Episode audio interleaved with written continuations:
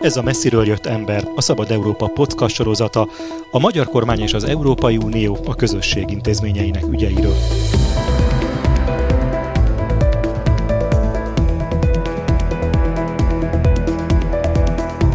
Célunk, hogy ne csak az EU erőközpontjaiból hazatérő magyar politikusok beszámolóiból ismerhessük meg a fejleményeket, döntéseket és viszonyokat, hanem objektív és független képet alkothassunk állandó brüsszeli tudósítónk Gyévai Zoltán segítségével.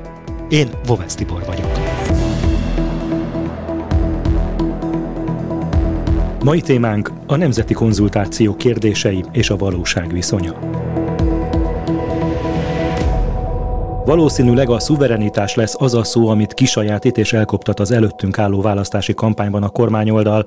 A héten megkapta a parlament az elnevezésében a szuverenitás védelmét szolgáló törvénytervezetét, és a napokban viszi a postás a magyar otthonokba a témára szervezett nemzeti konzultáció kérdőíveit.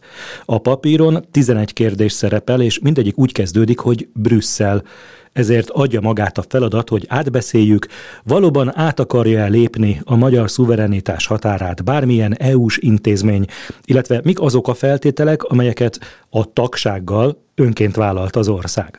A kérdések öt témakört taglalnak, gazdaság, migráció, Ukrajna támogatása, gyermekvédelem és a magyar politika befolyásolása tengeren túlról küldött pénzekkel. Kezdjük a gazdasági kérdésekkel. A Kérdői válítása szerint Brüsszel el akarja törölni a rezsitámogatást, a kamatstoppot, az extra profitadót, és be akarja engedni a génmódosított ukrán gabonát. Mi az EU álláspontja a rezsitámogatásról, a kamatstoppról vagy az extra profitról? Hogyan illeszkednek az európai jogrendbe ezek a piacgazdaság működésébe beavatkozó kérdések és intézkedések? Ezek a kérdések ugye az eléggé leegyszerűsítőek természetesen, és nem is tükrözik Brüsszel álláspontjának a sokszínűségét. Ugye azt látjuk, és azt tudjuk, hogy a energiaválság idején, az elmúlt így egy-két évben, főleg az energiárak magas alakulása miatt, gyakorlatilag az Európai Bizottság is számos országnak megengedte, hogy hatósági árakkal szabályozza főleg a, egyébként a háztartások számára az energiafogyasztás, hiszen olyan magasak voltak az árak. Tehát tulajdonképpen Brüsszel ebben a kérdésben inkább közvetett a magyar kormányhoz, mint távolodott volna. Most, amikor viszont ezeknek az intézkedéseknek a kivezetése van, akkor visszatér Brüsszel, az Európai Bizottságban van szó egyébként, ahhoz a veszőparipájához, hogy ha rezsi támogatásról van szó, azt a társadalomnak a legelesettebb, legkiszolgáltatóbb rétegének kell, kell nyújtani, nem pedig mindenkinek. Márpedig azt tudjuk, hogy a magyar rezsi csökkentés vagy rezsi támogatás gyakorlatilag mindenkinek szól, és igazából arányosan minél gazdagabb valaki, annál jobban támogatja. Tehát e, az Európai Bizottság ezt, jelzi, ezt jegyzi meg igazából, és szerintem Brüsszel valószínűleg nem fogja tudni megtiltani, vagy eddig se tudta megtiltani azt a magyar kormánynak, hogy azt támogasson az energia számát annak támogassa, akinek csak akarja. És azt se felejtsük el, hogy a legtöbb Európai Uniós ország tett lépéseket azért, hogy átalakítsa az energiaellátás szerkezetét, és egyre kevésbé függjön a drága energiaforrásoktól. Az extra profit adóval mi lehet a probléma? Az Európai Bizottságnak itt vannak kifogásai természetesen. Arra mutatná, hogy az extra profit adót úgy használják, hogy diszkriminálnak mondjuk külföldi cégeket, tehát alapvetően ezzel van baja, nem pedig azzal, hogy extra bevételeket, nyerességeket megadóztatja a kormány. Tegyük hozzá, hogy ez más tagállamokban is előfordul, tehát amit a magyar kormány csinál, az nem kirívó, legfeljebb kirívó a mértéke, meg a hossza, a tart, időtartama. Hogyan kerül a képbe a génmódosított ukrán gabona? A lényeg az, hogy azt kell biztosítani, hogy az ukrán gabona tovább tudjon haladni Magyarországon, tehát legyen egy normális tranzitja, anélkül, hogy ukrán gabonát, legyen kukorica, napraforgó vagy buza, Magyarországon kipakolnának Magyarországon és Magyarországon értékesítenének. Ezzel együtt tud élni a rendszer. A génmódosított dolog, ez egy érdekes sztori, mert látni kellene, az adatokat, a kormány adatait arról, mert ugyanis tudom azt, hogy elvégeznek rendszeresen vizsgálatokat. Ellenyésző mértékű volt az ukrán gabonában talált olyan elemek, amelyeket egyébként kifogásolnak, hogy minőségi problémát jelentenek, stb. stb. Nagy feladat lenne a, a kérdőív kitervelőinek, hogyha tudnának egy olyan nyilatkozatot előbányászni az Európai Bizottság részéről, ahol az Európai Bizottság azt mondta, hogy már pedig a gémódosított ugye kukoricának ide kell jönnie Magyarországon. Na ezt kellene szerintem például megkérdezni a kérdőívnek a szerkesztőitől. Nem szorosan kapcsolódik ide, de a pénzről szól a palesztin szervezeteknek adott támogatások kérdése is. Erről a konzultációs kérdőív azt állítja, hogy terroristákhoz jutott. Mi igaz ebből? Ez kifejezetten elhamalkodta a kormány ezt a dolgot. Egy olyan állítást tett, ami akkor sem volt bizonyítva, amikor ezt tették, majd egy nappal később gyakorlatilag meg így száfolták. Ugye ez a Várhelyi Olivér posztja kapcsán mondott. Így van, ugye legalább a kormányzat annyit várhatott volna, hogy ez a felülvizsgálat, amit az Európai Bizottság bejelentett, és Várhelyi, maga Várhelyi Olivér bejelentett akkor, hogy ez legalább befejeződjön, mielőtt egy ilyen kérdéssel rukkolnak elő. Ugyanis ez a kérdés, azt hiszem az ötödik pontja a kérdőívnek, egyértelműen félrevezető és hamis. Tehát az Európai Bizottság átvizsgáltak 120 projektet, ez minden projektet kiterjed gyakorlatilag, ami a palesztinokkal kapcsolatban fönnáll, és nem találtak arra utaló jeleket, legalábbis eddig nem találtak arra utaló jeleket, hogy bármiféle terrorista finanszírozás, tehát a Hamászhoz, vagy bármely más palesztin terrorszervezethez, hiszen van másik is, eljutott volna uniós pénz. Tehát azt kell, hogy mondjam, az ötödik pont az bizony a magyar állampolgárokat félrevezeti teljesen, hogyha erre a kérdésre akarnak válaszolni.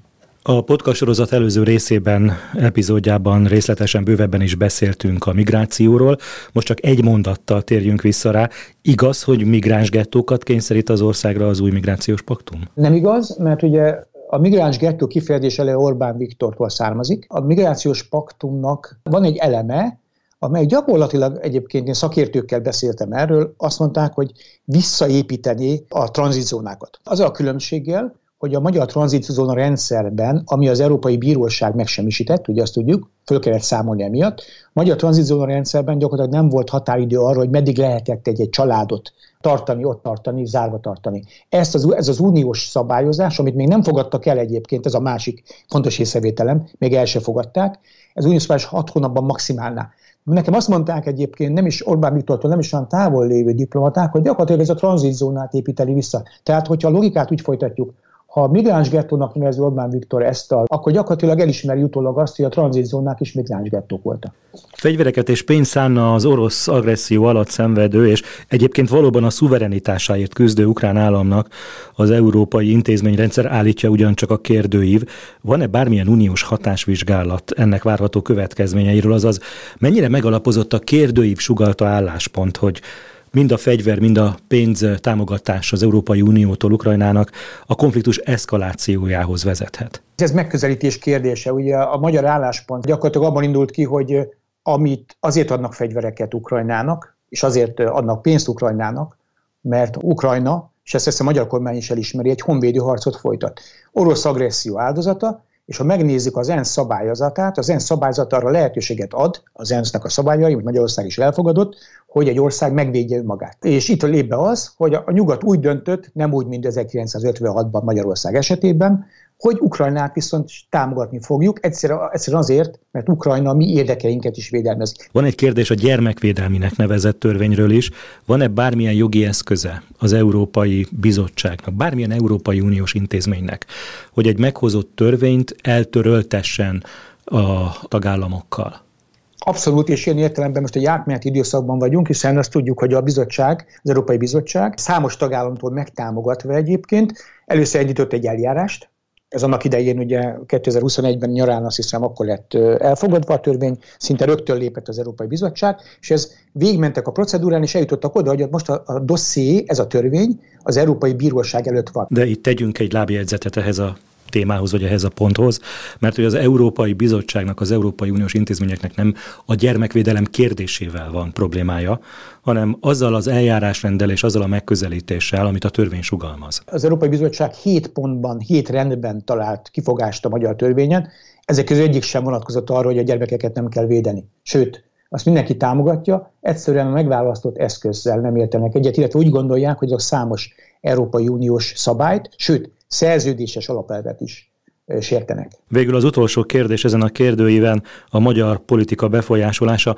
Van bármilyen bizonyíték arra, hogy bármilyen Európai Uniós intézmény direkt vagy közvetve beavatkozna a magyar belpolitikába? Érdekes fölvetés el is, mert hogyha nagyon karikírozni akarom a kérdést, akkor tulajdonképpen odáig eljuthatunk, az Európai Unió egész eddig mostanáig uniós pénzből finanszírozták a kormányhoz közeli oligarchákat, ugye, meg hát lehetne sorolni a neveket is. Ha valahol volt egy ilyen finanszírozás, akkor tulajdonképpen ez ott volt. Igaz, ennek az Európai Unió igyekszik véget vetni éppen ezzel a kondicionalitás vagy feltételességi eljárással.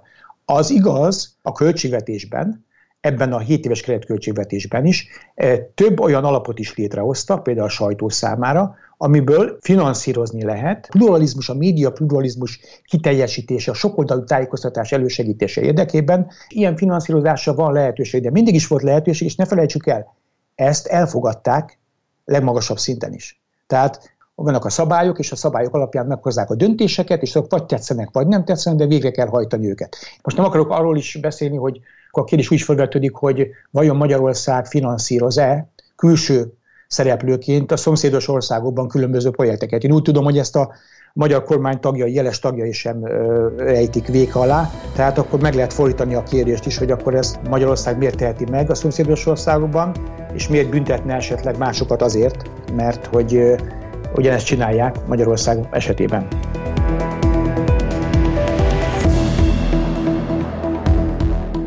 Állandó brüsszeli tudósítónkkal Gyévai Zoltánnal beszélgettem. Én Bovesz Tibor vagyok. Köszönöm figyelmüket.